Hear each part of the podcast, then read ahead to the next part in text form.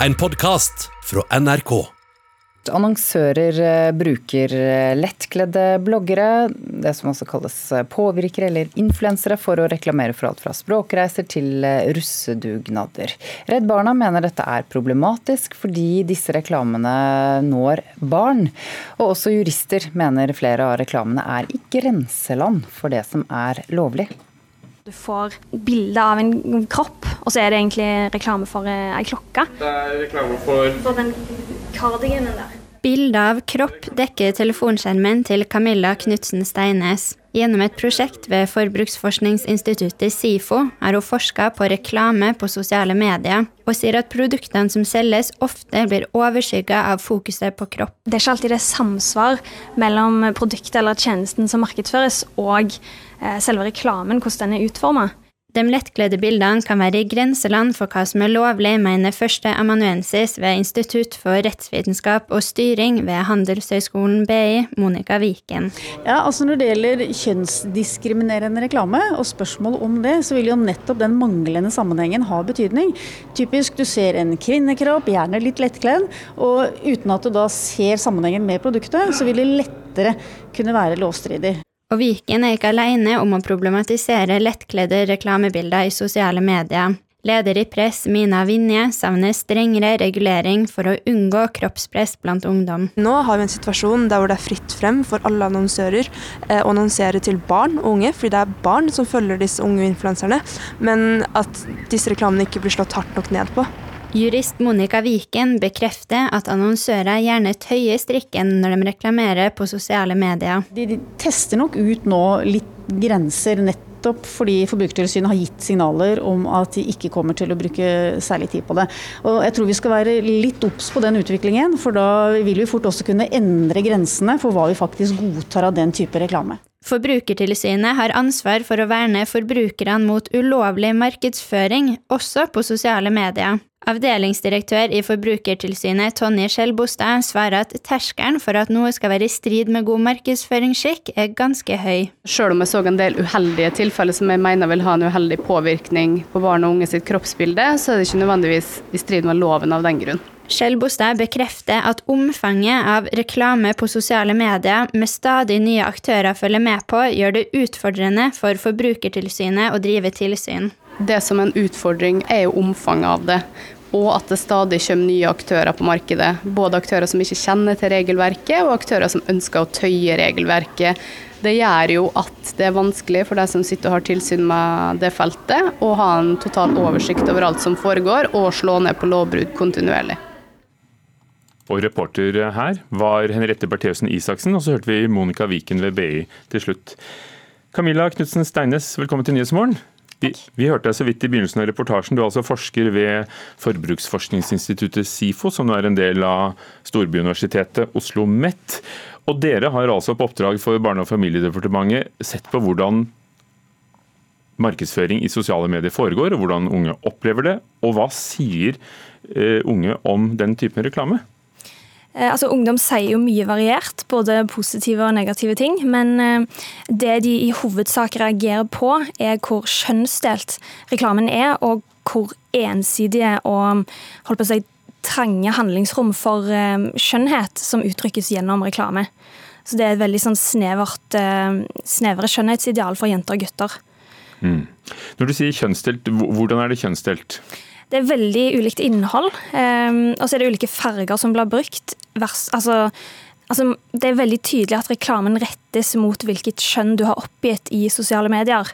Jenter f.eks., eller de som registrerer seg som jenter, uh, får se mye mer, altså betydelig mye mer reklame enn gutter for sminke, kosmetikk um, og altså, kosmetiske behandlinger. Hva for gutter, da? Gutter får utrolig mye mer eh, reklame for spill, teknologi og mer sånne aktiviteter, sånn som å ta båtførerlappen og eh, gå på dronecamp. Vet dere noe om og du er jo sosialpsykolog, om hvilken påvirkning det har. Altså Senest i går hadde vi en reportasje om at, eh, at antallet jenter for eksempel, som velger seg utdanninger innen, eh, innen naturfag og, og, og, den type, er stabilt lav. Ja. Er sånt med å påvirke? Eh, vi ser jo at den reklamen som eh, som barn og ungdom ser, passer veldig godt med den altså, kjønnsdelte arbeidsstatistikken. I tillegg så, altså Nå har ikke vi direkte, sett direkte på påvirkning eller på omfang. Men vi vet jo hvordan eh, reklamen ser ut, og vi vet at barn og unge eksponeres kontinuerlig for reklame. I tillegg så sier jo eh, ungdom sjøl at de opplever at reklamen bidrar til å øke kroppspress. Ja, for det, det har det jo vært debattert mye om de siste ukene, om bloggere bidrar både til merkevarepress og, og til kroppspress. Og, og, det at uh, bloggere da ofte, som vi hører i reportasjen, stiller lett påkledd. Bidrar det eller ikke til kroppspress? Ungdom sjøl mener at det absolutt bidrar. Eh, men på en annen måte så er jo kroppspress et systemisk problem som verken kan eller bør legges et sted når det kommer til ansvar. Eh, men absolutt. Eh, marked, altså Influensere eller markedsførere som de er, er jo en, en stor del av det. Skiller det seg egentlig fra annen reklame? Altså, du kan bli utsatt for en David Beckham som står i bar overkropp og reklamerer for et armbåndsur eller parfyme uh, i et vanlig ukeblad. Mm. Uh, er det egentlig noe forskjell? Bør ikke ungdom da bare, og alle folk, lære seg å håndtere at uh, sånn er det? Det er eh, vel trente kropper som står nakne og reklamerer for alt annet. Ja, Kroppspress har jo på en måte lenge vært en problemstilling. Eh, og det kommer nok kanskje alltid til å være, men vi kan jobbe ganske hardt for å redusere det. Og det som er spesielt med influensermarkedsføring, er at den er spesielt vanskelig for barn og unge å gjenkjenne som reklame, fordi den ofte er ganske godt skjult, og de bruker ganske sånn eh, ja, skjulte markedsføringsstrategier. Vi hørte jo juristen fra BI si at det kan være i grenseland, at de tøyer strikken for hva som er lov. Um, hvordan vil du si at uh, loven om kjønnsdiskriminerende reklame overholdes, når dere har sett på reklamen mot unge i sosiale medier? Eh, vi har sett at eh, reklamen eh, strider med kjønnslikeverd. Og gir ikke barn og unge like rettigheter som forbrukere og lik tilgang til informasjon. Takk skal du ha. Camilla Knutsen Steines, som er forsker ved Forbruksforskningsinstituttet, SIFO. Og fra det til en veldig kjent artist.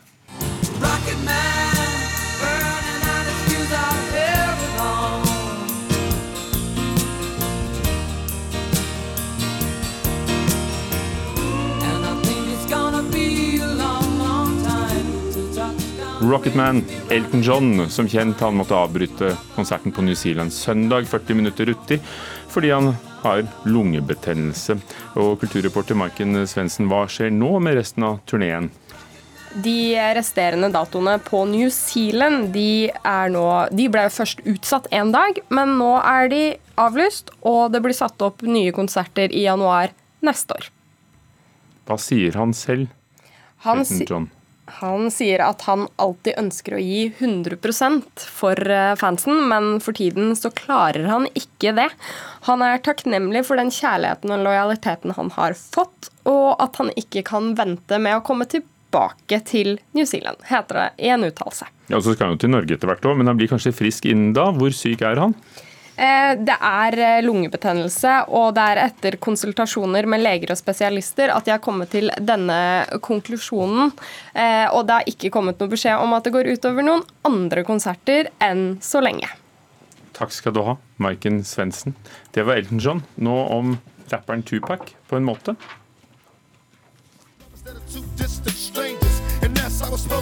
I can the devil take a brother if he's close to me. Uh. I let it go back to when we played as kids, but then changed. That's the way it is. Come on, come on. That's just the way it is. For Tupac var en av de største forbildene til forfatteren Angie Thomas da hun eh, vokste opp. Hans måte å uttrykke seg på var grunnen til at hun ble forfatter, eh, har hun sagt. Og nå er den andre ungdomsromanen hennes ute på norsk.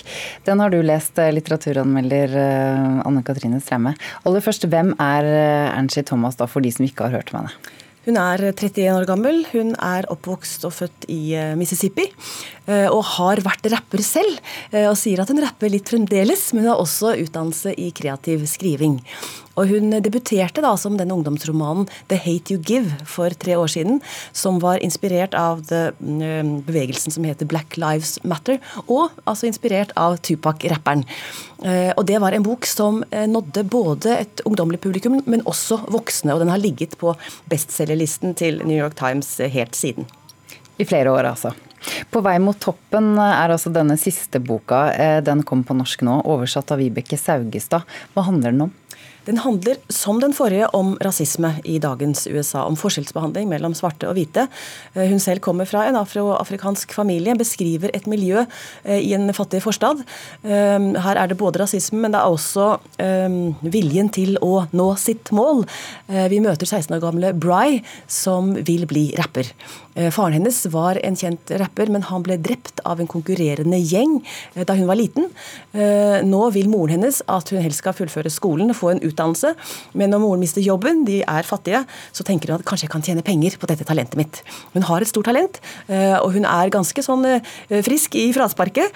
Eh, og så opplever hun på skolen at hun blir lagt i bakken av sikkerhetsvakter fordi de tror hun selger dop. Mm. Hun opplever at det er forskjellsbehandling mellom svarte og hvite, og rapper om dette i, i rappene sine.